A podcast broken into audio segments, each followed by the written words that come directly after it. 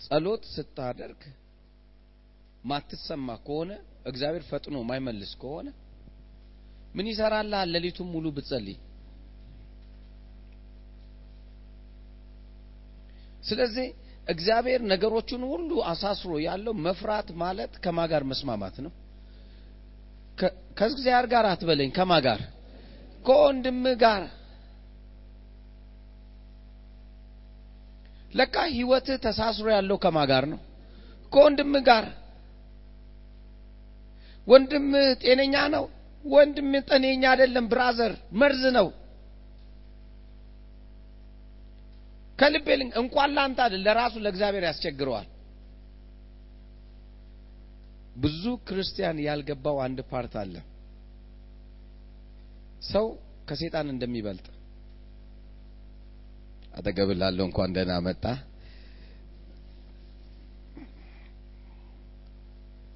ሰው ከምን ይበልጣል? ከሴጣን ይበልጣል። ባይዘወይ ያለ ፈቃድ ምንም ነገር እንደማያደርግ አታውቅም። በክፋት ከሴጣን ይበልጣል ሰው በክፋት በክፋት እኔ የምልህ አሚኒት ባይብልን እኮ ነው ማወራክ ለሴጣን የተዘጋጀለት ገሃነም እሳት ነው ገሃነም እሳት ለሴጣን ነው የተዘጋጀው። ክፋቱ እዛ ድረስ ነው። ሰው ግን ሰው ማላቡዲን ያጋዴን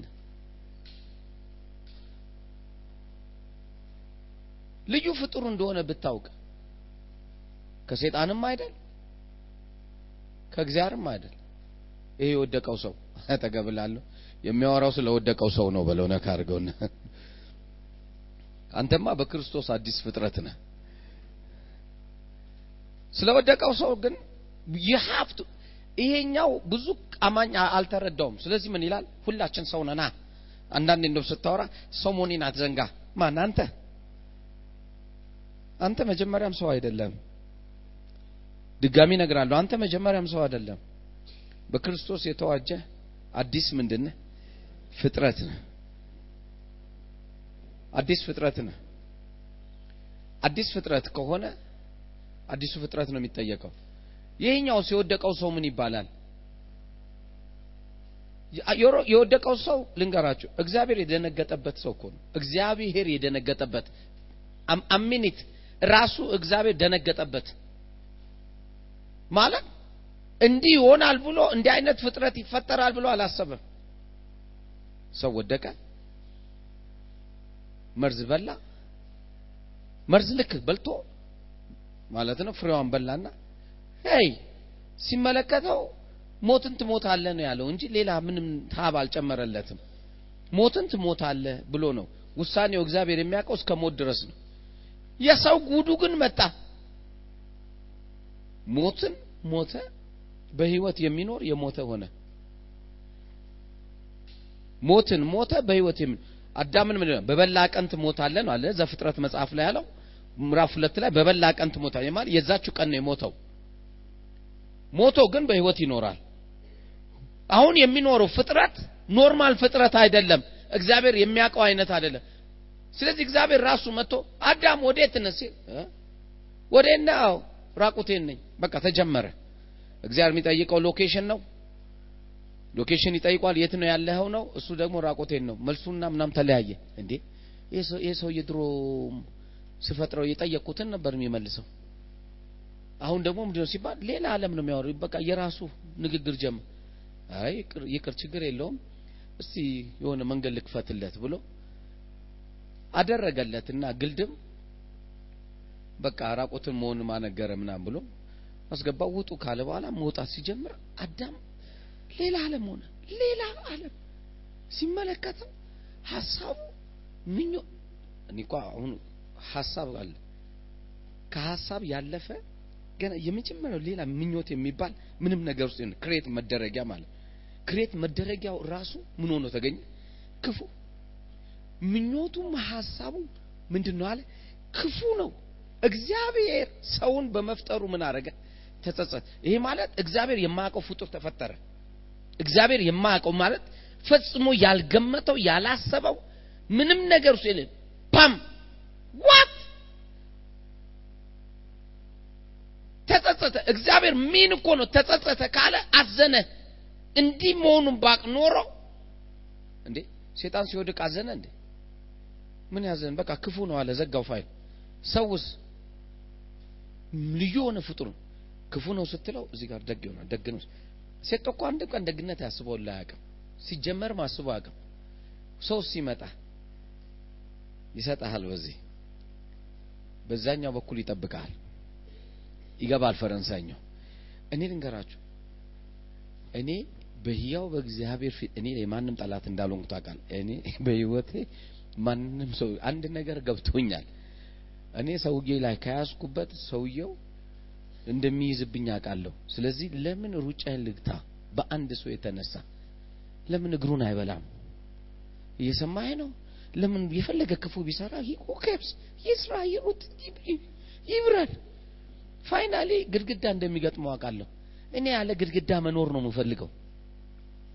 ስለዚህ ለሰውየውም ብዬ አይደለም ለራሴ ብዬ እየሰማኝ ነው። ለራሴ ብዬ አሁን ተመልከቱ። አማኝ ሆነው አማኝ ሆነው አማኞችን የሚቃወሙ አላያችሁም? አማኞችን የሚቃወሙ አማኝ ሆነው አማኞችን። ሩቅ ሳንሄድ የሄድንበት ድሬዳዋ እንኳን አማኞቹ አይደለ እንዴ? የተወሰኑ ሰዎችን ሰብስበው መጥራት ስለማልፈልግ ስለ እንትን ስለ ሰብስበው ምናምን የመጡብን? ከዛ እዛ መጥተው ያደረጉት ምን ምን እንደሰሩ መጨረሻ ላይ ሰዎቹ በጣም ይቅርታ ብለው የመጡት ለምን? ማለት የተሸወዱት ሰዎች አህዛብን ጠምዝዘዋቸው ምን አርገው ምን አርገው መጨረሻ ላይ ባለቀ ሰዓት ላይ መጥተው እኛ እኮ እንዲህ ተመክረን ነው ያሉት እነኚህ ሰዎች ናቸው እንደዚህ እንደዚህ ናቸው የእናንተ እኮ ወገን ናቸው ምን ሆነው ነው ግን?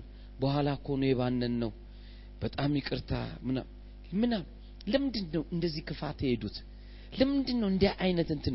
ያቺ ሴትዮ መታ አማን ጋር ቆማ ናና ይህ ሀገር የማን ይመስልሃል?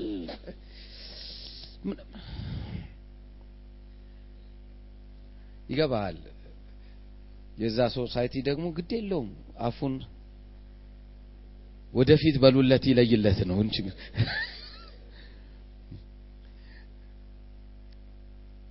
አማኞች ናቸው? አዎ ናቸው። ግን አሁን ቂም መያዝ አለብን ለማበለ ምን ስለሆኑ? ይዶን ሀፍቱ ቢ ንገሯቸው። እኔ እንደ መሪና እንደዚህ ባለ ራእይ ምለው ነገር ይባረኩ መንገዳችሁ ይቅና ውረሷት ምድሯ እናንተ ትሁን ምናም ምናም በቃ ዳኒ ለምን አልክ? ውስጤ እንዳይቀመጥ ብዬ ገብቷል? አሁን ስነሳ ምንደርስ ብያለው ምን ከፍ ይበሉ ይነሱ። ምን ብያ ለጭንቅላቴ ነው ምለው ቢነሱ ደስ ይላል። ኧረ በደንብ ይውረሱ ምንም ጤንነትን የምትፈልግ ሰው ከሆንክ ጉዳይክ በወንድምህ እጅ እንደተያዘ ወቀው ወንድምህ ግን ጤነኛ አይደለም እብድ ነው። ስጀምር ራሱ እብድ ነው ብለህ ነው መጀመሪያ ያለብህ ዛሬ ቀን መልካም ነው ነገ ሌላ ሰው ነው። ከነጎዲያ ደግሞ ሁለቱንም ነው። ስለዚህ እንደዚህ ለሆነ ሰው ምንድነው የምታደርገው? actor ኦች ናቸው actor ናቸው። ሲያዩክ እንዴት እንደሚሆኑ ምናምን actor ኦች ናቸው። ስለዚህ እነኛ actor የሆነ ባህር ይዘው እንኳን ለአንተ አይደል ለእግዚአብሔርም actor ናቸው። አንተ actor ላለመሆን ነው ራስን ማዘጋጀት ያለብህ አብሮክ የሚኖረው ሰውዬ ጤነኛ አይደለም። በቃ ጤነኛ ካልሆነ ጤነኛ ስላልሆነ ብለህ እብድ ሰብስቤ ነው አብሬ የምኖረው ነው። ስለዚህ አእምሮን አሁን ክፈተው። ከነኚህ ሰዎች ጋር ለመኖር ዋጋ ያስከፍለኛል። ምን አይነት ዋጋ ነው የሚያስከፍለኝ? ይቅር ማለት። የሚደንቀኝ ነገር የእግዚአብሔር ትምህርት አንድ ነው። መቼም ስትመጣ ዌልካም ይልሃል መቼም ተጣልተና? ተደስተና ብዙ ጥያቄ ሊሸነግለውምና ይመጣል። ይሰማል። መስማቱ አይደለም ትልቁ በመጽሐፍ ቅዱሱ ማድመጡ ነው። እግዚአብሔር አደመጠም መለሰላቸው። ጩኸታቸውን እኮ ይሰማል፣ ግን መልሶላቸዋል? አልመለሰም። ልክ ማድመጥ ሲጀምር እግዚአብሔር መመለስ ይጀምራል። ስለዚህ በላይፍ አንድ ውሳኔ ወስን። የሚመለስልህ እግዚአብሔርን በመፍራት ብቻ ይሄ መፍራት ማለት ደግሞ ከሰው ጋር ያለህ ነገር ነው። ከሰው ጋር ያለህና ከራስ ጋር ያለን ሽንገላህን አቁመው፣ ራስን መሸንገል፣ ሌላውን ማሸንገልም አቁመው። አጥብቄ እዚህ ጋር የቆምኩት ለአንድ ዓላማ ነው። ሰሞኑን በሙሉ እየነገርኩ ነው። ህይወት እዚህ ጋር ነው ያለው። ሌላው ምንም አይደለም። አርባ ቀን ብጾም ብጸልይ ምንም እንደማታመጣ እርግጠኛ ነኝ። እግዚአብሔር ማትፈራ ከሆነ ለምን ይመስላል በጾም ጊዜ ሰው በር ዘግቶ ሰዎች እንዳያገኝ ምናምን የሚሆነው ገዳም የሚገባው ጉዳዩ ከሰው ጋር ነዋ። ሲወጣ ሰውየው ሲያናገረው ምን ሆናል ሲል እያያት ሄድም ሲል ምን አገባ አይን የለህም ምናምን ብለህ ስትሰጥቅ ከዛ ስለ ሰውየው ጭንቅላት ሲጦዝ ቀኑን ሙሉ ልኩን እንዲህ ባልኩት ኖሮ ምናምን እያልክ ስታወራ ስታስገባ ስታስወጣ አንተው እዛው ጾሙ ላይ ቁጭ ብለህ በልሳንክ የረበጋ እንዶ ለበጋ ጭንቅላት እገለዋለሁ የሰውዬ ምን እግዚአብሔር ከልቤ ልንገርህ ከሰው ጋር ጉዳይ ስላለው ረጅም ጉዞ ለመሄድ ትፈልጋለህ። it's simple።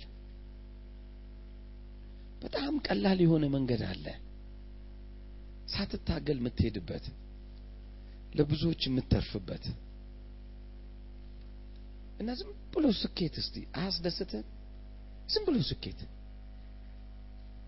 ያለ challenge በኢየሱስ ስም አጠገብህ ላለ ይቻላል በለው ነካ አድርገውና ይሄ ማለት ያለ challenge ማለት ባለፈው ነግሬ ያለው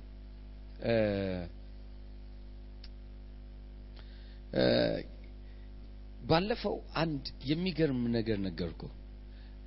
ያለ ትግል መጓዝ ለሚፈልግ ሰው ያለ ትግል መጓዝ የሚፈልግ ሰው ይሄን ያድርግ።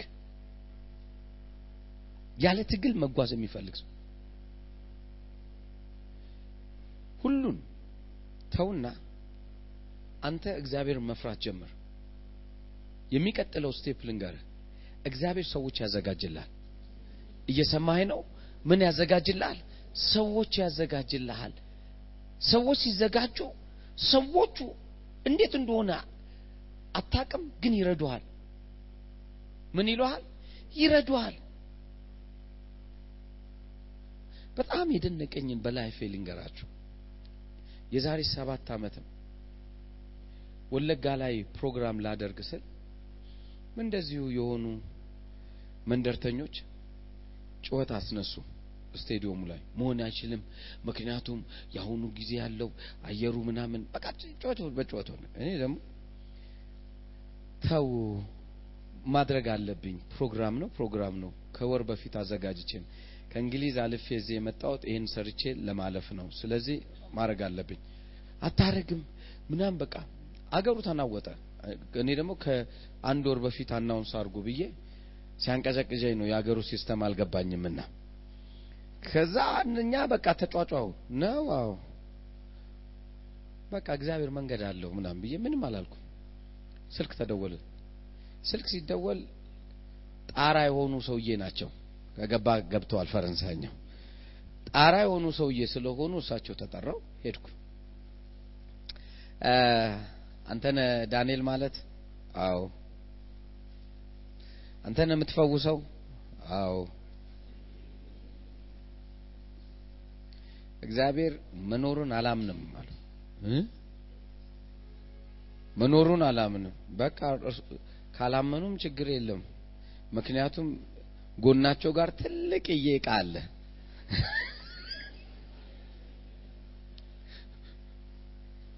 ከዛ እዚህ ጋር ያለው ድርድር ይጥልሃል። እዛ alright እኔ አላምንም፣ ምንም ችግር የለም። እንትናን እንደዚህ እንደዚህ የሆነ ሰው ተፈውሶ ነበርና ሁለቱ ኩላሊቱ ፌል አድርጎ ማለት ነው። ሴትዮዋ ሚስቱ ናት፣ የሌላ ሰው ማለት ነው። የእሷን እንደዚህ የፈወስክ አንተ ነህ? አዎ ጌታ በእኔ ተጠቅሞ እንግዲህ ፈውሷታል። ጥሩ እኔም ያመኝን እነግርሃለሁ፣ ትጸልያለህ። ሰማኸኝ? አዎ ከዛ እሳቸው እስከሚመጡ ተብሎ ሻይ ቁጭ ብሎልኝ ነበረና ውስጤ ሻዩን ስጣቸው አለኝ። ግማሽ አድርሼዋለሁ። ይህን ሻይ ጠጡት ይላል እግዚአብሔር ስል የማንን ሻይ? ያንተን ሻይ? አዎ የኔን ሻይ። በመሰረቱ እኔ ሻዩን ከጠጣው በሰላሳ ደቂቃ ውስጥ ሰውነቴ ሪያክት ያደርጋል። ምግብ አልበላም። ለአምስት ዓመት ምግብ አልበላም። ምግብ የሚባል ሰውነቴ አይቀበልም። የምኖረው በዚህ በዚህ በዚህ ነገር ነው አሉ። ሰላሳ ደቂቃ አሉኝ። ከዛ ለማንኛውም አሉ እንትኑን መሳሪያውን ቁጭ አረጉት። ከዛ ሌላ ነገር ሊሰሩ ሲገቡ እኔ አይን አይኗን መሳሪያዋን ምክንያቱም ነገሩ እንደዚህ ነው። ሰላሳ ደቂቃ ውስጥ ሻይ ጠጥቼ የሆነ ሪያክት ካደረገ ለወር ሰቃያለሁ። ይበላኛል፣ አይኔ ያባብጣል፣ ወላ ሰውነቴ ሁሉ ክፉፍ ይላል። ስለዚህ ምግብ የሚባል ወዲያ ውስጥ አይገባም። ሰላሳ ደቂቃ በኋላ ግን እኔ ጌታ ነው ያለው ይሁን አልኩት። ከዛ ጠጡ። እሳቸው ሲወጡልኝ ወንድሜ ማራባጋ ጂና መጋታ ጂና ሰላሳዋ ደቂቃ አለቀች። አመጡ ድጋሚ ሻይ ምንም የለ። ምን አርገሃል ሻይ ውስጥ አሉ። ኧረ እኔ ምንም አላረኩ። ምንድን ነው ያማሩት? አሁን ሞራሌ መጣ። ምንድን ነው ያማሩት? የፈለጉትን ይንገሩ። ሽሮ አሉ አምጡላቸው። ሽሮ መጣላቸው። ቅጥፍ ሰላሳ ደቂቃ አሉኝ። ቁጭ አልኩ። ሰላሳ ደቂቃ ጠበቅኩ። ከዛ መጨረሻ ላይ ነገሩ ተዘጋ። አርባ አምስት ደቂቃ ሆነ። በቃ ሳሙኝ፣ ምን አሉ፣ ደስ አላቸው። የፈለከውን ነገር አሉ። የፈለከውን እኔን የሚመለከተኝ ነገር ካለ አደርግልሃለሁ። ሪሊ አልኩ። ታንኪ ብዬ በወዴ ወለጋ አለች። ቀኑ ደረሰ። almost ሶስት ቀን ምናምን ሲቀረው እኔ ወለጋ ለመሄድ ማለት ነው። በቃ እዛ ተዘጋ። ኮንፈረንሱ አይደረግም ምናምን ተብሎ ተዘግቷል ነው። አዎ አይቆማትም ብዬ እኔ ደግሞ መሄድ አለብኝ አደርገዋለሁ አልኩ። ስለዚህ hello፣ አቤት፣ እንዲህ እንዲህ አይነት ነገር ማን ነው እሱ? ጠብቀኝ። ተደውሎ እዛ ምን እንዳላቸው እግዚአብሔር ብቻ ነው የሚያውቀው። ለዚህ ነው ሁሉ ነገር እስሙዝ ሆኖ እንድትኖር ከፈለግ ማንም ፍራ፣ እግዚአብሔርን ፍራ። ወንድሜ በያው በእግዚአብሔር ፊት ነው። ሰላሳ ወታደር ታዞልኝ፣ መኪና ታዞልኝ፣ ሽንት ቤት ስሄድ ወታደር አብሮኝ ይሄዳል።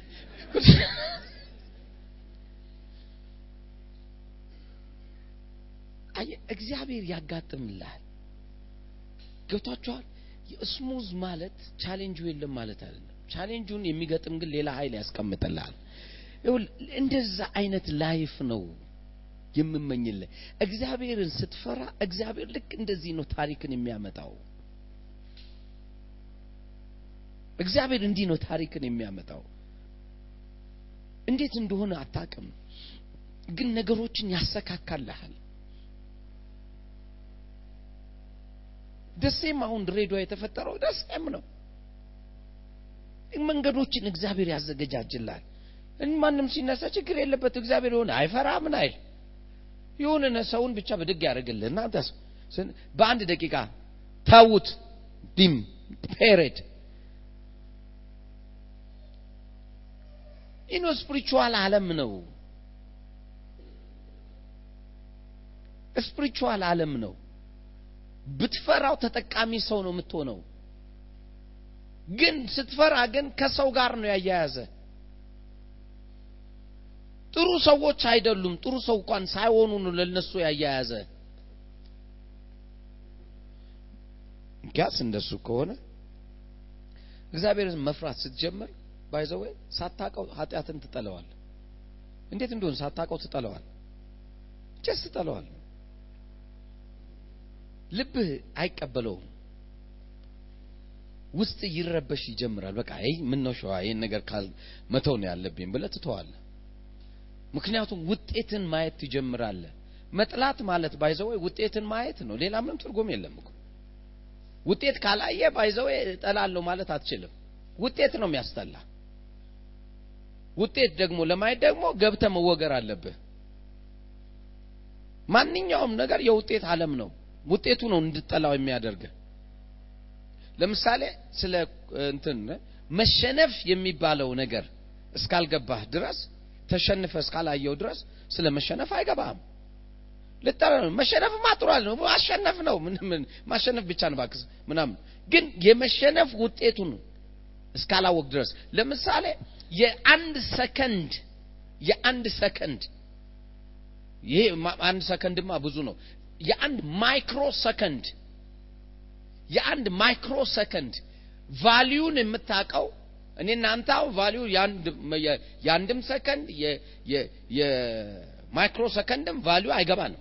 ለምን ይገባናል? ሩጫ ውስጥ የለንም። ነገር ግን የሚደንቀው ነገር ሩጫ ውስጥ ኦሎምፒክ ውድድር ላይ ደርሶ የመቶ ሜትር ሩጫ ላይ በ micro ሰከንድ ልዩነት zero zero zero one የምትባለው የ micro ሰከንዷ በእሷ የተነሳ ሰውየው ሁለተኛ ሆኖ ዘመኑን በሙሉ ይሞታል። ነሐስ አግኝቶ ይወጣል። ያቺ micro second ምንም እኮ ልገምታት የማትችለውን value ዋ የምትታወቅ ያን። ስለዚህ ስለ micro second ሲወራ ሁሉ ግፍግፍ ያደርግሃል። ለምን ያቺ micro second ገብታለች። እኛንስ micro second ስናዛጋ ያልመልጠናል። ገብቷል። ምንም የለንማ ነገር ውስጥ ስለሌለ ምንም ነው። ስለ ሰከንዶች ደግሞ ሯጮችን ጠይቃቸው እነኝም ስለ ሰከንድም ስለ ደቂቃ long distance ሩጫ ተመልከታቸው። value አላቸው። እኛ value የለንም። ስለ አደጋ ጊዜ አደጋ እንዴት አሉ ያችን ጊዜ ለምሳሌ መኪና እየበረርክ ስትሄድ ያቺ ሰከንድን ብታቆማት ወይም ብታቀዘቅዛት ምን አልፎክ እንደሚሄድ አደጋ ሳይደርስ እንደምትሄድ value ይገባሃል። የጊዜ value አለበለዚያ አይገባንም። ምንም ይገባናል። ለምሳሌ ቴሌቪዥን ጣቢያ ላይ ቁጭ ብለ የምታሳልፈው ጊዜ ቻናል ምንድን ነው የሚባለው? ቃና፣ ዋና፣ ቻና፣ ሃና ምናምን ስታዞረው ስትል ጊዜ ምንም አይገባም። ተማሪ ግን ጠይቅ፣ ጎበዝ ተማሪ ጊዜ ቫልዩ አለው። የጊዜ ቫልዩ አለው። ለምንድን ነው የጊዜ ቫልዩ ያለው? ምክንያቱም ይችን ጊዜ ካልጠቀመ ፈተና ይገጥመዋል። አንተስ ፈተና የለብህም። ስለዚህ ብታሽከረክረውም ቻናሉን በቃ ዝም ብሎ ይሽከረከራል። ይሄኛው ፊልም ከዛኛው ፊልም፣ ያኛው ፊልም ከዛኛው ፊልም እያጋጨ ትሄዳለህ። ምንም value አይሰጥም። ነገር ግን እግዚአብሔርን መፍራት የምታውቀው ያንን ነገር lose አድርገ value ሲገባ ብቻ ነው። ደግሜ እላለሁ value ሲገባ። ለምንድን ነው የኢየሱስ ደም አሁን እዚህ ስላለክ የኢየሱስ ደም value ብዙ እንትን አይልም። ኃጢአቴን ንስሐ ገብቻለሁ ምናምን ምንም value አይሰማም።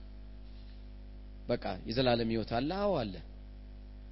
ወደ ሲኦል የወረዱት እኮ የዚህ value ን miss በማድረጋቸው ነው። ሲኦልን የሚያል ለዘላለም የሚገቡበት ከጌታ ተለይተ ስድስት ወር ቆይ። እንዲህ ስል ደግሞ ሂድና ስድስት ወር ቆይ። የመንፈሱ ፍቅር ይገባሃል።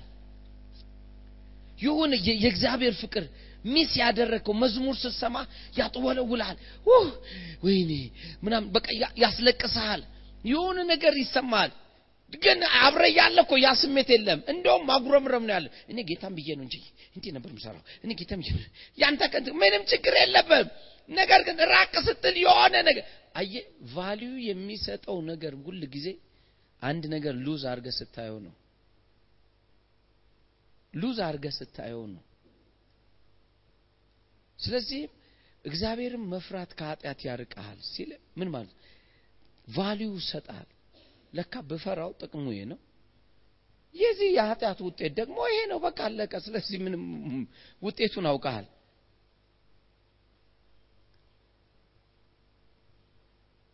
ኃጢአትን መጥላት የምትችለው በዛ መልክ ስለሆነ ሌላኛው በጣም ከሚያስደስተኝ ዘርክ ኃያል ይሆናል። በኢየሱስ ምን አልኩ? ዘርክ ምን ይሆናል? ኃያል ይሆናል። ማን ይጠላል? ዘሩ ኃያል ቢሆን በዙሪያ ያለ በሙሉ ኃያላኖች ሆነ። በሌላ አነጋገር ምድር የሚያስቸግሩ ቤተሰብ የሚያስቸግሩ ልጆች አይሆኑም ነው። ነገር ግን ለብርታትና ለኃይል ይሆናሉ። ማን ይጠላል ይህንን? እኔ ልንገርህ፣ ከአባቶቻችን ተምረናል።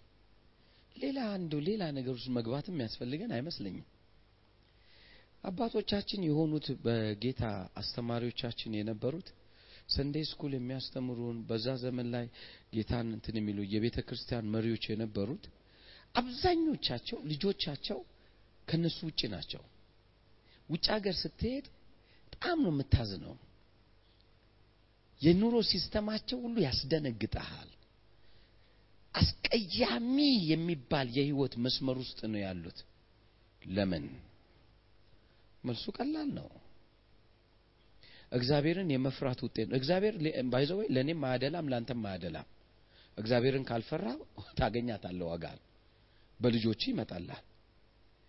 እንዴ ዳኒ ምን ማለት ነው? እስቱ ዘር ካያል ይሆናል ካለ በሌላ አነጋገር ዘር ሰነፍ ይሆናል። ምን ካላልክ ካልፈራ። ስለዚህ አባቶቻችን ስትመለከት ተንኮለኞች ናቸው፣ ውሸታሞች ናቸው፣ ሸንጋዮች ናቸው፣ እውነትን የሚሸቅጡ ናቸው። እንዲህ ስለ ከልቤ ነው ማወራ። ስለዚህ ልጆቻቸው ምስክር ናቸው። በቀደም የሆነ ስብሰባ ጠርተው የሚሰጡት ነበር ምናምን ይሰጡ ነበር። እነኚህ የተነሱት ልጆች እያሉ ይሰጡ ነበር። ሶስቱም ልጆቻቸው የሉም። ሶስቱም ስብሰባ ሲሰጡ የነበሩት አገልጋዮችን ሶስቱም ስብሰባ ሰጥቶ የሚ ሶስቱም ልጆቻቸው የሉም። አይ ነው የሚያሳዝን life ነው። ዘርክ ኃያል ይሆናል ካለ እንግዲህ የሄዱበት መንገድ wrong ነው ብላ እይታን አስተካክለ ነገ አንተ እንዳትሆን መጠንቀቅ ነው። ስለ እነሱ እጅ መቀሰር አይደል። አንተ እንዳትሆን አሁን ማስተምር እነሱ ልነግር ብያለሁ። ምን ይሰሩልኛል? የሚጨምሩትም የለም የሚቀንሱትም ህይወት የለኝም። ነገር ግን አንተም እድሉ እንዳይገጥምህ ዘርክ ኃያል እንዲሆን የምትፈልግ ከሆነ በመፍራት ኑር። ማዕረግ ኖሮክ ምን ይሰራልሃል? አዎ ረጅም ዓመት ጌታን አገልግያለሁ። በእግር በእስር ገብተናል። በቃ እዚህ ሀገር ደግሞ ማስፈራሪያው በእስር ገብተናል። እግዚአብሔር ይመስገን። በቃ እንኳን ታሰሩ አጠገብላል እንኳን ደስ አለ በለው ነካ አድርገና ምንድን ነው ምንድን ነው ማስፈራሪያው? ታስረን ነበር እኔም እኮ በልጅነቴ ታስሬያለሁ። ምንድን ነው ልዩነቱ? እርግብም ሰርቄ ታስሬያለሁ።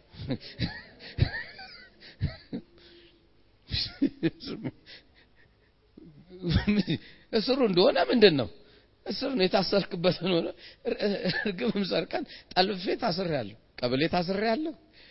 አባቴ ወስዶኝ እንትንም አሳስሮኛል። ምክንያቱም አላጠና ብሏል ብሎ ስለዚህ ስለዚህ ምን ችግር አለ?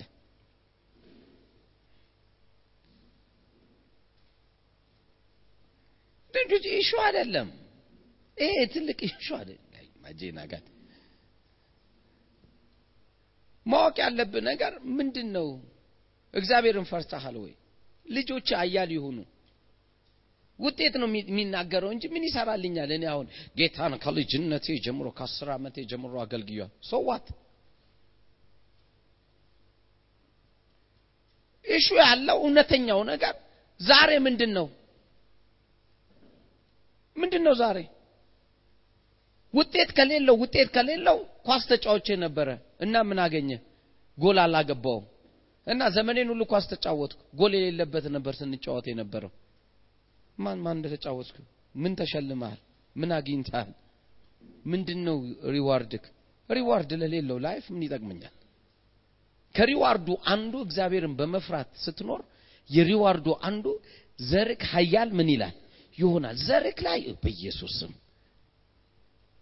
ምልክት ናቸው። ዘሮች ትውልዶች ምልክት ናቸው። ኃያላን ሆኖ ነው የሚወጡት። በደንብ አስተውል። ይህ የባይብል አነጋገር ለማናችንም አያደላም። ማንም እንደዚህ ብትሆን እንደዚህ ይሆንልሃል ነው፣ አለቀ። ከፈራው ይሆናል፣ ካልፈራው አይሆንም። አይሆንም ማለት አይሆንም። አንተ ስለሆንክ አይደለም፣ ፓስተር ስለሆንክ፣ apostle ስለሆንክ ወይንም ደግሞ ረጅም ዓመት አገልግለሃል። who cares after all ሁሉንም ያገለገለው በመንፈስ ውስጡ ገብቶ ያገለገለው እግዚአብሔር ራሱ ነው። ስለዚህ ምን አይሞቀውም፣ አይበርደውም። እውነተኛው ነገር እዚህ የምታየው ፈውሶች በሙሉ ዳንኤል ነው ያደረገው። ከየት አምጥቼ ነው ማድረግልህ? ምን ምን አቅም ስላለኝ? በእኔ ውስጥ ገብቶ የሰራው እሱ አይደል? እሱ ከሰራ ምንድን ነው ለምሳሌ soft ላይ ተቀመጠ እግዚአብሔር soft ን soft ን እየወሰድ ልጅ ለማይወልዱ በሙሉ መውለድ ይቻሉ ብለን አውጥተንበታል። እያዳቸው ሄዶ soft ኡ በነካቸው ሁሉ አረገዙ። okay soft ኡ ነው ልትላይ ነው። soft ኡ ምን አረገ? ልክ እንደ soft ኡ ነው። አንተም ቢገባም ባይገባም እንደ ሶፍቱ ነው። ላይ ላይ ተቀመጠ፣ ሰራ፣ አለቀ።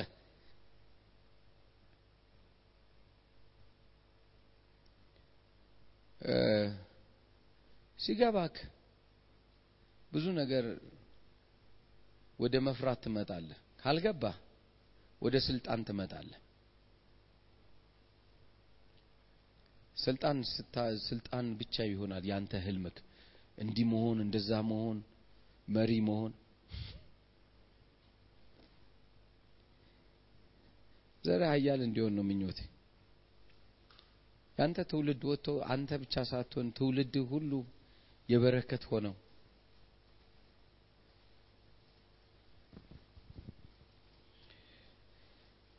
መዝሙር 112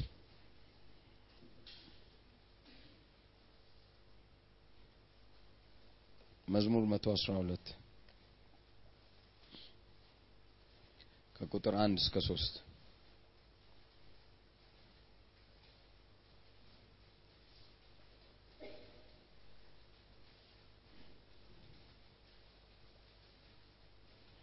እንዲህ ይላል። እግዚአብሔርን የሚፈራ ሃሌሉያ፣ እግዚአብሔርን የሚፈራ ትእዛዙንም እጅግ የሚወድ ሰው ምስጉን ነው። ዘሩ በምድር ላይ ኃያል ይሆናል፣ የቅኖች ትውልድ ትባረካለች። ተመልከት፣ እግዚአብሔርን የቅኖች ምን ትውልድ ትውልዳቸው እንኳን ምን ይላል ይባረካል። ትውልዱ ያልተባረከ አገልጋይ እንኳን ካየክ ዞር ብለ እግዚአብሔርን ይፈራል ብለ ጠይቅ። ደግሜ ነግራለሁ። እኔ እንኳን ብሆንም ብታየኝ እንኳን እግዚአብሔርን መፍራት promise ኡን ነው የሚያጠናው። የቅኖች ትውልድ ትባረካል። by the way በዚህ ትውልድ በመሆን ደስ ይበልህ። እግዚአብሔር ቅኖችን ያስነሳል፣ ምድሪቷ ትባረካለች። ኢትዮጵያ እንኳን ያልደረሰችበት ቦታ እንደርሳለን። ደግሜ ነግራል። ከዚህ ቀደም የኢትዮጵያ ኢኮኖሚ ያልገባበት እንኳን አሁን ቅኖችን እግዚአብሔርን መፍራት ስለምንጀምር እየሰማኝ ነው። ይሄ እኮ ካሴት እኮ by the way ለዓለም ሁሉ ነው የምበትነው። ከዚህ እንዳለቀ ለዓለም ነው የሚላከው እና በሙሉ የሚሰማው ሁሉ ምን ይላል? ይሰማል፣ ይባረካል። ከዛ ውስጥ የምናገኛቸው ሰዎች ቅኖች የሆኑና ትውልድን ይባርካሉ። እየሰማኝ ነው። በቃ በውጤት እንመን፣ በድሮ በውሸት አንመን። ማለት ሴጣን ልጆቼን ወሰደ። እግዚአብሔር ስለሌለ ነው ሴጣን ልጆችን የወሰደው። የሚከላከል መልአክ ስለሌለ ነው። wake up እግዚአብሔርን መፍራት ከልቤ እነግራቸዋለሁ። በጣም አስተውሉ። እግዚአብሔርን መፍራት እንጀምር። እግዚአብሔርን መፍራት ማለት ከሰው ጋራ ነው ብያል። ስለዚህ እግዚአብሔር የትም አልሄደም። አባቶቻችን ይኸው አሳዩን፣ ውጤቱ ያማረ አልሆነም። ስለዚህ ወደ እንትን ኢቭን እንኳን ሲያወሩን እንኳን እንደዚያ እነኚህ ጴንጤ የሚባሉት መምጣት ከጀመሩ ነው ኢትዮጵያ ውስጥ እንኳን ረሃብ የጀመረው። አይደለም የሚሉት? ማዚና ካዜ የሚሉን ነው። even እንኳን የቃችንን አትንካ እናንተ ናችሁ ያረከሳችሁት። አይደለም የሚሉን? ያ ትውልድ አለፈና አሁን አባት ሆኑና እነሱን የነሱ ውጤት ሲመጣ ልጆቻቸው ደግሞ የከፉ ሆነው ቁጭ አሉ። ለምን እንደዚህ ሆነ? ይህን ስም መቀየር የምንችለው እኛ ብቻ ነን። እንደ አህዛብ እኛም ምናማ ከሆነ እንደ አህዛብ እኛም ተንኮል ምንሰራ ከሆነ እንደ አህዛብ እኛም somebody ን bribe አድርገን አታለን የምንወስድ ከሆነ hey what do expect ምድሪቷ ለምን አትረገም?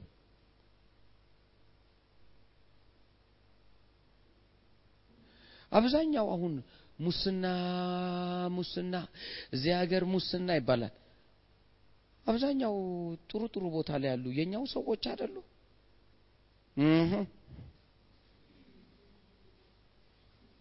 እነሱ አይደሉ ወንበር ላይ ቁጭ ብለው በቀኝ አዙር በግራ አዙር ለምን ሆነ? እግዚአብሔርን መፍራት ስለሌለ እግዚአብሔር ፈራው ብለ ተንበርክከ እዚህ ሀሌሉያ ብለ ምን ይሰራልሃል? ወንድምህን እዛ ብታስጨንቀው አትፈራውም። ነግር ያለው ከዚህ በፊት አደጋግሜ ነው ያው የነገሩ የጭካኔ ጭካኔ አሁን ያለው ጭካኔ የከፋ እንደሆነ ነግር ያለው በቤተ ክርስቲያን ያለ ማቃቸው 23 አራት አመት በፊት የነበሩ ቤታቸው ፕሮግራም የሚደረግ እናትና ልጆች ተመሳጥረው አባትየው paralyzed ሆነው ወደ አስር ሺህ ጫማ የሚያክል ምንድን ነው ወደ ወደ ወደ ደብረ ብርሃን ስትሄድ ከፍታ ያለው እዛ ቦታ ላይ ሲደርሱ አባትየውን አውጥተው ከምንጥልህ ከምትፈርም እና እናትየው የቤተ ክርስቲያኗ ምናምን ናት። ልጆቹ ፓስተሮች ናቸው እና ወርሽፕም ይመራል። ፓስተርና ወርሽፕ መሪ ነው እና እነሱ ናቸው ልጆቻቸው ሌላ አገር ስላሉ እነሱ ይከንሰሉ። አባት ደግሞ እንዴ አንቺ አይደል የወለድሻቸው እኔ አይደል የወለድኩት ወይስ የሌላ ልጆች ናቸው? እንዴት ብለን ነው የምናወጣው? ይካፈሉ ንብረቱን አይካፈሉም። ከልጅ ጋር ተመሳ እና ከምንጥል ብለው አውጥተዋቸው ከምንጥል ከምትፈርም ይህን ያለው ጭከና እና ከሰዓት በኋላ መጥተው ደግሞ እንትን ቤታቸው ሃሌሉያ ማዛናዚ የከፋ ሶሳይቲ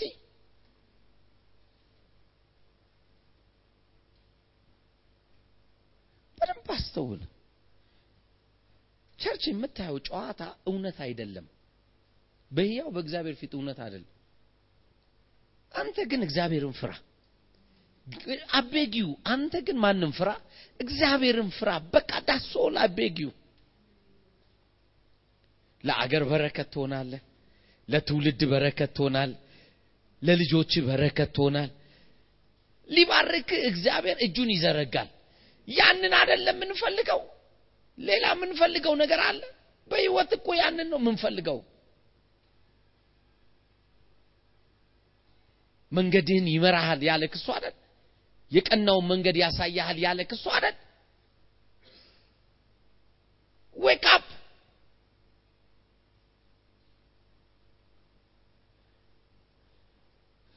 እሹ የምታየውን ነገር አንተ practice ለማድረግ አትሞክር።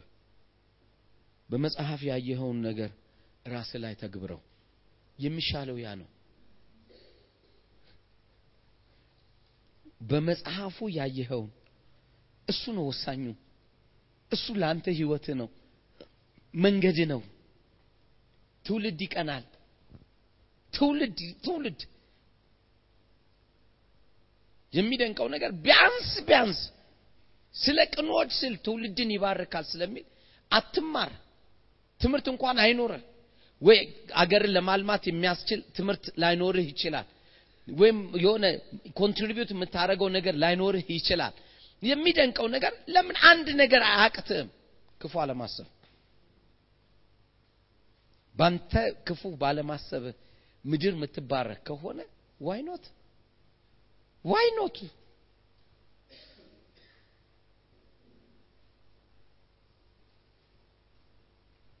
ደስ የሚለኝ ቃል ተመልከቱ። ክብርና ባለጠግነት በቤቱ ነው። አላቤት እግዚአብሔርን በሚፈራ ሰው ምን አለው? ክብርና ባለጠግነት በቤቱ ነው። ክብርም አለ ባለጠግነትም አለ። ዲድ ዩ ሲ እኔ ፈትነው አልኩ እኮ ማለት የእግዚአብሔር ነገር እውነት ነው ካል ለምሳሌ አድኖኛል ከኃጢአት ስትል ከውስጥ ኃጢአት የተባለውን ነገር ምን አረገው ወሰደው ስለዚህ ኃጢአተኛ ነህ ስትባል አይደለሁም ብለ ቆመ እንኳን ለመናገር አቅም ኖረ። ህሊናክስ ታጥቦ ውጤቱን አየክ ተፈውሳችኋል ብሎ አስም ነበረብን። እንደዚህ ተፈወስኩ ብለ አስሙን ጸለክ ውጤቱን አየክ።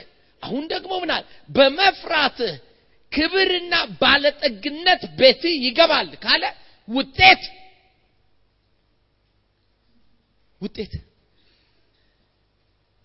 አዶንሲ ማለት እንደ አበሻ እግዚአብሔር እግዚአብሔር ነው። ሲያሻው የሚገድል ሲያሻው የሚያኖር ሲያሻው የሚጥል ሲያሻው የሚያነሳ ምን ይሄ እግዚአብሔር ነው?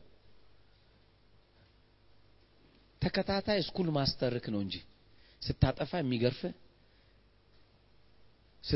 ትክክል ስትሰራ የሚያርም ይሄ እግዚአብሔር አይደለም። እግዚአብሔር ማለት እንደሱ አይደለም አንድ ፊት ነው ያለው። እሱ ምንድን ነው መልካም። ድጋሚ ነግራል እሱ ምንድን ነው መልካም። አንድ ፊት። ትናንትና የመሰከረችውን ልጆች እዚህ ነበራችሁና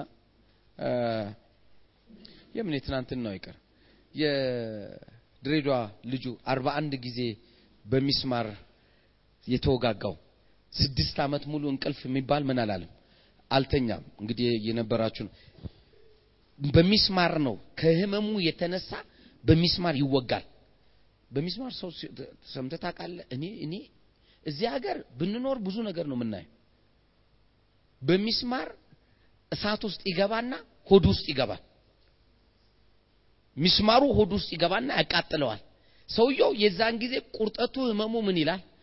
በቃ ይቀንስለታል። ምክንያቱም የእሳቱ ንዳድ እሱን አእምሮ ምን ይላል? ስለሚያቃጥለው ቁርጠቱን ለጊዜው ምን ይላል? ያስታ ግን ስድስት ዓመት ሙሉ አርባ አንድ ጊዜ ሆዱን ብታየው ስዕል ነው። ጠባሳው ይሄን ይሄን ነው የሚያለው። ይህ ሰውዬ መጣ። ያውም አያምንም። ሚስቱ አይደል የምታምነው? ሚስቱ ነው ያለው።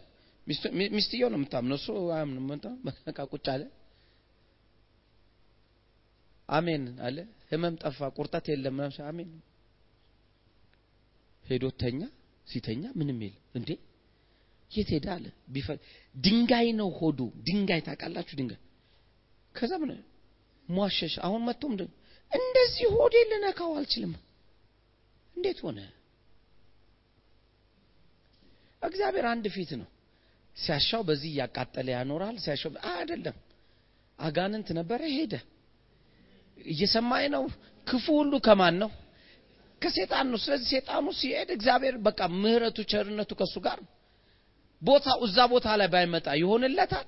አይሆንም።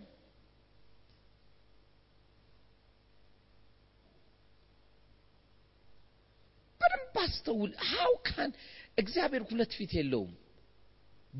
ባለጠግነት በቤት ነው ካለ የእሱ responsibility ነው በቤት ውስጥ ማድረግ ባለቤት ሆኖ የሚሰራው እሱ ነው። ግን ፍራኝና ይሄ ነገር ቤት ይግባ ፔሬድ። ስዕሉ ያለው በመፍራት ውስጥ ነው ማናችንም መለኪያችን ውጤት ነው። ደግሜ እነግራለሁ ማናችንም መለኪያችን ውጤት ነው። ለምሳሌ አምናለሁ አምናለሁ አምናለሁ። ውጤት ኔፓ ምን ታምናለህ? ስለዚህ በተቻለ አቅም ውጤት ነው ሁላችንም የሚመዝነን። የእምነታችን ጥጉ ወይም የእምነታችን ከፍታው የእምነታችን ዝቅታው የሚለካው በዛ ነው። ለቅኖች ብርሃን በጨለማ ወጣ። በምን? በጨለማ ምን? ብርሃን በኢየሱስ ስም። ስትፈራው ምን ይወጣልሃል ሰው ሁሉ ምን ውስጥ ነው ያለው? ጨለማ ውስጥ። አንተ ግን ምን ይወጣልሃል? ብርሃን። ስለዚህ ውጤት የሚፈራ ሰው ሊሆንለት የሚገባውን ነው እያወራ ያለው እግዚአብሔር። ፈራዋለሁ ስላልክ ወይም ደግሞ ቤት ውስጥ ተኝተህ ከጌታ ጋር ነኝ ከጌታ ጋር ነኝ እየጸለይኩ ነው፣ ስልክ ሲጮህ አንሳ ሄለው አንተ እንትና መታለች፣ ምን ላርግ? በሩን ዝጋባት። ለምን? ምክንያቱም ልጠይቀኝ ነው ማለት ገንዘብ ልጠይቀኝ ነው ካለ ስጥ ነው ያለ ጌታ። እንዴ ብሩ የእሱ አይደለ እንዴ እንትኑ አይደለ እንዴ ብድር አይደለ እንዴ ወሰድከው?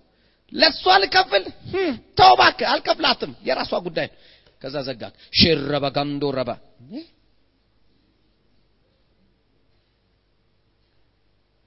ተገብላለሁ። እንኳን ደህና መጣ በለው ነካ አድርገውና እንኳን ደህና መጣ።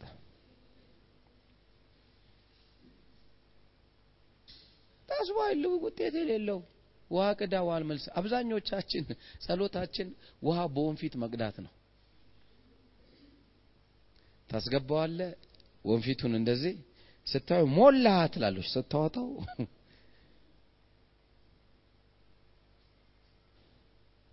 ለምን ከመፍራት የሚነሳ አይደለም። የፈራ ነው ይመስለናል። ድሮ የለመድናቸውን ሁለት ሶስት ኃጢአቶች ስላቆምን። ምክንያቱም ለኛ የለመድናቸው ናቸው ትልልቅ ኃጢአቶቿ ያለውን አልሰማ ቁጥር ቁጥር አምስት ላይ ቸር ይራራል። እኔ አላነበብኩም ነበር ይሄንን ያው እግዚአብሔርን ቸር ይራራል፣ ደግሞ ምን ይላል አለ ያበድራል፣ በፍርዱም ነገሩን ምን ይላል ይፈጽማል። በቃ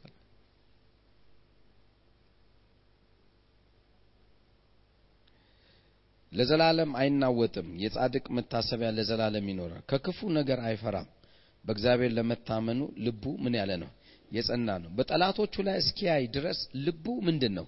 ጽኑ ነው፣ አይፈራም። በኢየሱስ በተነ፣ ለችግረኞችም ሰጠ። ጽድቁ ለዘላለም ምን ይላል ይኖራል። ቀንዱ በክብር ከፍ ከፍ ይላል። ቀንዱ በምን በክብር ምን ይላል ከፍ ከፍ ይላል። ኃጢአተኛ አይቶ ይቆጣል፣ ጥርሱንም ያፋጫል፣ ይቀልጣልም። የኃጢአተኞችም ምኞት ምን ትላለች? ትጠፋለች። የሚደንቅ ነው። አንተም በሚመለከት ደግሞ ገልብጠህ አንብበው። ፍራና ለምን ውጤታማ አትሆንም? እኔ እኮ አቤጊ ሶስት መንዝ ሶስት ወር ብትፈራ ሶስት እኔ ሌላ አልልም። አቤ በ life ኤ የተለማመድኩትን ነው ብያለሁ። አብዛኛውን ጊዜ ማወራክ ዘጠና ስምንት percent የተለማመድኩትን ብትፈራ ለሶስት ወር ብትፈራ ታሪክ ይገለበጣል። ምን አለ ለሶስት ወር ከዛ ትለምደዋለህ። ያበቃል። ስትለምደው ያበቃል። በቃ ሌላው ዓለም ይጠፋል። ውጤቱን ታየዋለህ። አሁን እኮ ውጤት ስለጠፋ ነው። እንዴት ብለን የትኛውን የትኛውን እናገናኘው?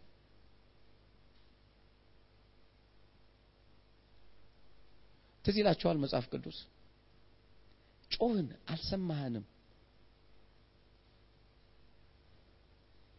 ወደ አንተም ጾምን አልሰማህንም። እና ምን አሉ ኢየሱስ እግዚአብሔር ሲናገር እኔ የመረጥኩት ጾም እንደዚህ ነው አለ። ስለ ጾምን አልሰማህንም ሲል ምክንያቱ ምንድን ነው ሲል እናንተ አላቸው ስትጾሙ ፈቃዳችሁን ታደርጋላችሁ፣ በወንድሞቻችሁ ላይ ቀንበርን ምን ትላላችሁ ትጭናል። እንዴ እነኚህ ሰዎች ጾመው እየጾሙ ምን መጫን ነው? ቀንበር መጫን። የታሰረውን ትፈታ ዘንድ አልነበረም? የታሰረውን ብትፈቱ አይሻልም ነበረ? ይኸው እግዚአብሔር የሚያወራው ሌላ፣ ሰዎቹ የሚያወራ ምክንያቱም እግዚአብሔርን የሚፈራ ሰው በውጤት ነው የሚታወቀው። እግዚአብሔርን የሚፈራ ሰው በውጤት ነው ውጤት ነው ጨዋታውን የሚጫወተው። ለምን ፈርተ የሆነ ነገር አይሆንም?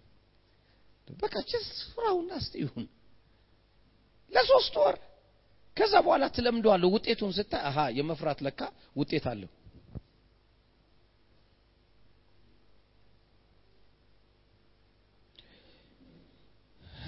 መዝሙር 145ን እንመልከት። በጣም ደስ የሚለኝ ቃል ነው። መዝሙር 145 ምኞት እንዴት መጥገብ እንደምትችል ቁጥር 19 በጣም ልባችሁ ቢገባ ደስ ይለኛል ይሄ ቃል ለሚፈሩት ለሚፈሩት ምኞታቸውን ምን ይላል? ያደርጋል። ተመልከቱ።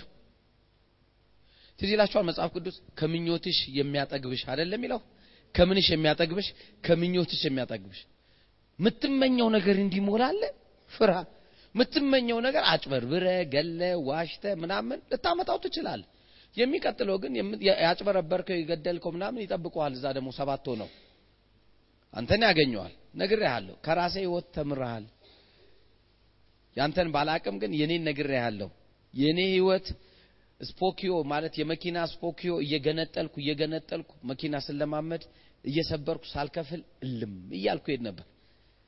ከዛ በኋላ የኔ መኪና በቆመበት ሁሉ ስፖኪዮን አጠዋለሁ። ስፖኪዮ ማለት ይሄ ምንድን የሚባለው እዚህ? ወደ ጎን ያለው ማያ። የሰው መኪና ጨርሻለሁ እየገነጠልኩ ስሄድ ልምምድ በራሴ ነው መኪና እኔ በአምስት ደቂቃ ነው በአስር ደቂቃ ነው መኪና የነዳሁት። ስለዚህ ይገነጥል ነበር በጣም። ስለዚህ በተራው ደረሰኛ የዘራሁት አንድ ቀን መሮኝ በቀን ሶስት ጊዜ ስፖኪዮ ገጥመ ይሰበርባል መንገደኛ መንገደኛ እንደዚህ እየሄደ በእግሩ ኳ አድርጎት ሄደ። አይኔ ያየውን ነው ማወራ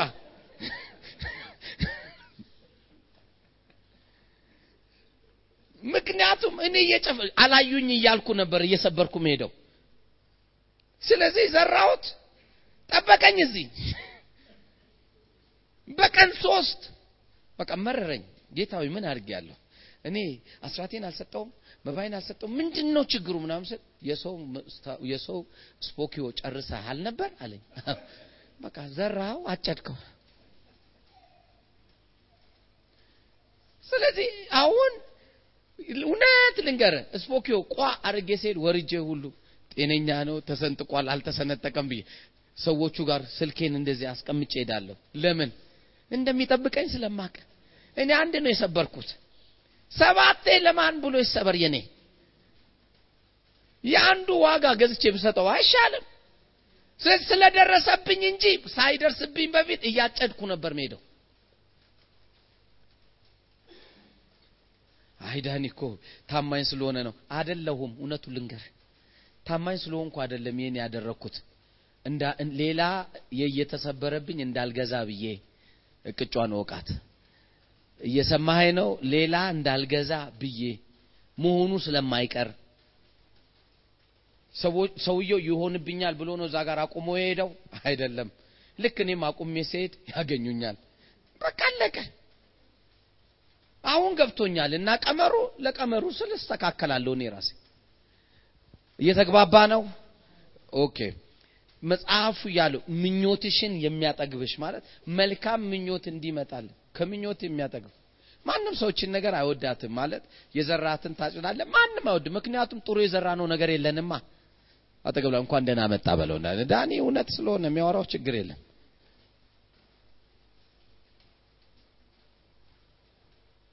ከምኞትሽ የሚያጠግብሽ ለሚፈሩት ምኞታቸውን ያደርጋል። ልመናቸውንም ምን ይላል? ይሰማል ደግሞ ምን ይላቸዋል? ያድናቸውማል። ምርጫ ነው እንግዲህ። ለሚፈሩት ነው ያለው። ስለዚህ ሾርት ከቱ መፈራት መፍራት ነው። ያኛውንም የሚያጣጣል ነገር ቢኖር መፍራት ብቻ ነው። ሌላኛውን እንመልከተው። ሉቃስ ምዕራፍ አንድ ሉቃስ ምዕራፍ አንድ ቁጥር 50 የሉቃስ ወንጌል ምዕራፍ አንድ ቁጥር 50 ምን እንደሚ ለሚፈሩት ለልጅ ልጅ ነው። ምን ለሚሉት? ለሚፈሩት ለልጅ ልጅ ነው። እንዴ! የእግዚአብሔር ዓላማው ለማን ነው ማለት ነው? ለልጅ ልጅ ጭምር ነው። ለልጅ ልጅ። ለምን አትነቃም ታዲያ ባለፈው ነግሬ ያለው ጠቢብ ለመሆን ከፈለግ የጥበብ መጀመሪያ እግዚአብሔር ምን ማለት ነው መፍራ ማለት በሩ እኔ ነኝ ምን ስትፈራኝ ጠቢብ ትሆናለህ ማስተዋል እንዲኖር አለ። እግዚአብሔርን የሚፈራ ያስተውላል ይላል፣ ከኃጢአትም ይርቃል። ስለዚህ ማስተዋል የሚሆነው ነገር አንድ ነው፣ መፍራት ነው። ስትፈራው ማስተዋልን ታገኛለህ ማለት። አንዳንድ ነገር አላስተውልም እኮ ካል ህይወት ይመስክር አላስተዋልኩትም እንደዚህ ስትል ምን ማለት ነው? አስር እጥፍ መንፈስ እያለብህ እንዳታስተውል ያደረገ ምንድን ነው?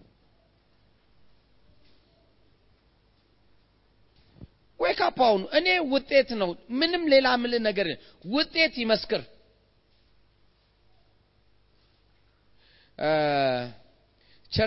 ቸልሲና ባርሴሎና ተጫወቱ። የዛሬ I think አራት አምስት ዓመት አራት ዓመት አካባቢ ቸልሲና ባርሴሎና ሲጫወቱ in history in history በዓለም history ዘጠና percent ኳስ ቁጥጥር ባርሴሎና ዘጠና percent ይህ ማለት ምንድን ነው? ሰዎቹ ጠለዙ፣ እነኛ ያገኙ ማለት ነው። ዘጠና percent ኳስ ቅብብል ባርሴሎና አለቀ ጨዋታው ዜሮ ለዜሮ። ከዛ በኋላ እንትን ተጀመረ። እነኛ ዘግተው አያልፉም። ያኛው እንደውም የባርሴሎና እንትን ምንድን ነው የሚባለው የነሱ ክልል ሜዳ አይደለም ኢቭን በቃ ዘግተው የራሳቸው ላይ ነው ይጠልዛሉ። እነኛ ያመጣሉ ኳስ በቃ እዛው መርሶስ ዘጠና ፐርሰንት ዘጠና አስር ቦል ፖዚሽን ተብሎ ዘጠና አስር ነው የተጻፈው። ኢን ሂስትሪ ነው ምልን ፋይናልስ በረኛው ቼክ ጠለዘ። ደረጎባ ኳሱ ሲመጣ ነካው። ከዛ ሮጠ ሮጠ አገባው። ማን አሸነፈ? ቼልሲ ስንት ለስንት አንድ ለባዶ የ championship ማን አሸነፈ? ቼልሲ። ባርሴሎና ዘጠና percent ኳስ ይዞ ነው ዘጠና percent ሙሉ ሻካራ ሩካራ ምናምን ውጤት ቀልድ እድሜን ሙሉ ኖረ ኖረ ኖረ ኖረ ጎል ላይ ዜሮ እኮ ምን ይጠቅማል ብሮ? ከጌታ ጋር እኮ ነኝ። ስንት ዓመት እንደሆነ ታውቃለህ? 19 ዓመት ነኝ ከጌታ ጋር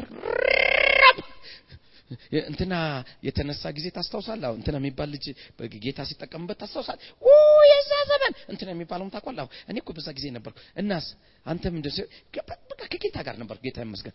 አሁንስ እንዴት ነው ውጤት ሲባል ቡቱቷም ምንም ነገር በመንፈስም በስጋም ባዶ። ዋት ሚን ውጤቱ ይታል ይህ ለጢሞቴዎስ ሲነግረው ጳውሎስ ምን እንዳለው? ልጄ ጢሞቴዎስ ሆይ በደምብ ስማ ልጄ ጢሞቴዎስ ሆይ take the advantage በእናት መካከል በአባትና በእናተ ምክንያቱም ሌሎቹ አዲስ አማኞች ሆነው ነው የመጡት። አንተ ግን በእግዚአብሔር መቆየትህ ምንድን advantage ነው? በእግዚአብሔር ቤት መቆየት advantage ካልሆነ what meaning ውጤት ከሌለው ምን ይሰራል? አለው በጌታ እስካኖረኝ ይኖራለሁ ሽር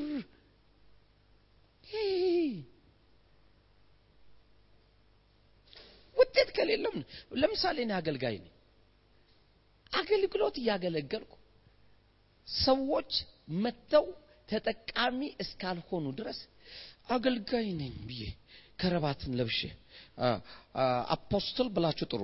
እንደውም apostle ብቻ አይደለም፣ በዚህኛውም ጎን ጨምሩልኝ ፓስተር፣ በዛኛውም ጎን ጨምሩልኝ ወንጌላዊ፣ በዚህኛውም ደግሞ ታኮ አድርጉልኝ። ምንድን ነው ሲባል አስተማሪ፣ በዚህኛውም ደግሞ ጫኑልኝ። አምስቱም የጸጋ ስጦታዎች በእኔ ላይ ናቸው። እናስ ማንን ታገለግላለህ?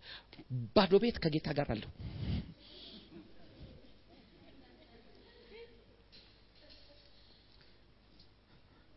ውጤቱ ምንም ውስጥ እንደሌለው ነው የሚነገር ነው አይደለም? እንደ ተፋጠንማ እንተያይ እኔ እውነት ነው ማውራው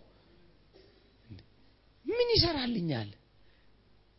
ኮከቡን ደርድሬው? ልክ እንደዚህ ነው ማለት ነው። የኢትዮጵያ መንግስት ጠርቶኝ ዳንዬ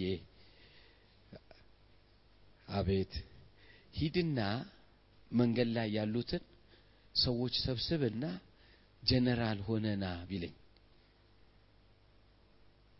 ማን ማን መጀመሪያ ያምነኛል? እኔ ጀነራል ልሆንብህ ነው ና ብለው ማንስ ይቀበለኛል? አደራጅቶ አጠራቅሞ ማለት ሰራዊት አዘጋጅቶ እላቸው ላይ ጀነራል ነህ ቢለኝ የኢትዮጵያ መንግስት ጀነራል ሆናለሁ። እኔ ራሴ ጀነራል ብዬ ደርድሬ እግዚአብሔር ጋር ጀነራል ከሌለ እንዴት ነው የሚኮነው? በደንብ አስተው ውጤት ነገሮችን በሙሉ ግልጽ አድርጎ ያሳያል። ኢየሱስ እንኳን አልተከራከረም። ሲያወራ ያለው ነገር ስለ የትኛው ነገሬ ነው የምትከሱኝ አለ። እናንተ መካከል የሚከሰኝ አለ በኃጢአት የለም። ውጤት ዜሮ። ስለ ክፉ ስራ የምትከሱኝ አለ ሁሉም። ኧረ ማንም የለም። alright ስለ የትኛው ስራዬ? እውር ስላበራው፣ ሽባ ስለተረተረ ስለ መልካምነትህማ ጥርጥር የለንም። እና ታዲያ ምንድን ነው ሲባል አንተ ሰው ሆነ ሳለ የእግዚአብሔር ልጅ ነው ያልክ እንዴ? መጽሐፋችሁ እንዲህ አላለም እንዴ? የእግዚአብሔር ቃል የመጣላቸውን ሁሉ አማልክት ናቸው ብሎ አልተናገረም? እሱማ ብሏል። ቢሆንም ግን ጠልተናል። በቃ ይሄ ሌላ ይሄ ሌላ ነው። በቃ አለቀ። ሰውየውን ሊከሱበት የፈለገው በቃ personal የቡሌ ጉዳይ እንጂ ሌላ ነገር እንዳልሆነ ገባ። በቃ አለቀ። እስቲ ሴጣን አንተን የሚከስበት ይጣ just እግዚአብሔርን በመፍራት ሌላ እኮ አልጠየቀም። እግዚአብሔርን በመፍራት እግዚአብሔርን የሚፈራ ለልጅ ልጁ ነው ካለ ለልጅ ልጅ የሚሆን ነገር ለምን አታወጣም? አላያቸው የልጅ ልጆችን ጥቂት ነው። እዚህ ቤት ውስጥ የልጅ ልጅ አየን ብለን የምናስባችሁ እንኳን ጥቂት ናችሁ። እና የልጅ ልጆቻችሁን የልጅ ልጅ ልጅ እንዴ ጎበዝ፣ በደንብ አስተውል። ይሄንን ሙሉ በረከት ካለ የትኛው ይሻላል?